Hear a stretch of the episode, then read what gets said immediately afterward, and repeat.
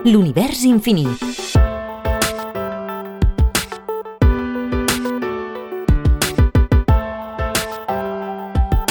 Agrupació Astronòmica de Sabadell. Giovanni Schiaparelli i els canals de Mart. Giovanni Schiaparelli va observar canals a la superfície de Mart, iniciant la onada d'hipòtesis i especulacions sobre la possibilitat que es trobés vida intel·ligent en aquest planeta. Va néixer al 1835 a Sabbiliano, Itàlia. Va estudiar a la Universitat de Turí, graduant-se al 1854. Més tard va viatjar a Berlín per estudiar astronomia sota el tutelatge de Johann Encke. Dos anys més tard va ser anomenat assistent a l'Observatori Pulkovo, Rússia, càrrec del qual va renunciar al 1860 per un similar a l'Observatori Breva, Milà, on va esdevindre director al 1862 i on va romandre fins la seva jubilació.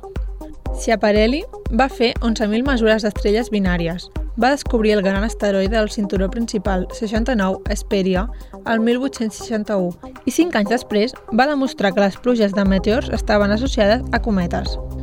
Va demostrar, per exemple, que l'òrbita de la pluja dels meteorits leònides coincidia amb la del cometa Tempel-Tuttle, cosa que va portar l'astrònom a formular la hipòtesi, que posteriorment va resultar correcta. També va estudiar detalladament els planetes Mercuri, Venus i Mart. Va fer diversos dibuixos i va determinar els seus períodes de rotació. Pel descobriment de la relació entre els estels i les pluges dels meteors, Schiaparelli, al 1872, va rebre la medalla d'or de la Royal Astronomical Society.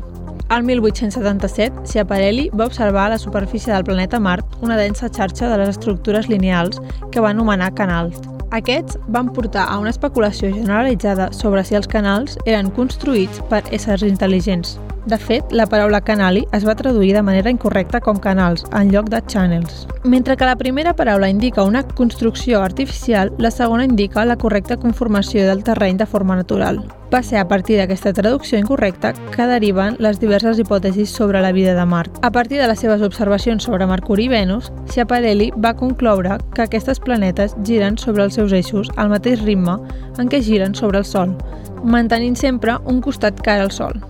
Aquesta visió va ser generalment acceptada fins que a finals dels anys 60, quan les tècniques de radar avançades i les sondes espacials van donar valors diferents. A la seva jubilació, Schiaparelli va estudiar l'astronomia dels antics hebreus i babilonis i va escriure Astronomia a l'Antic Testament, 1905. Va morir l'any 1910 a l'edat dels 75 anys.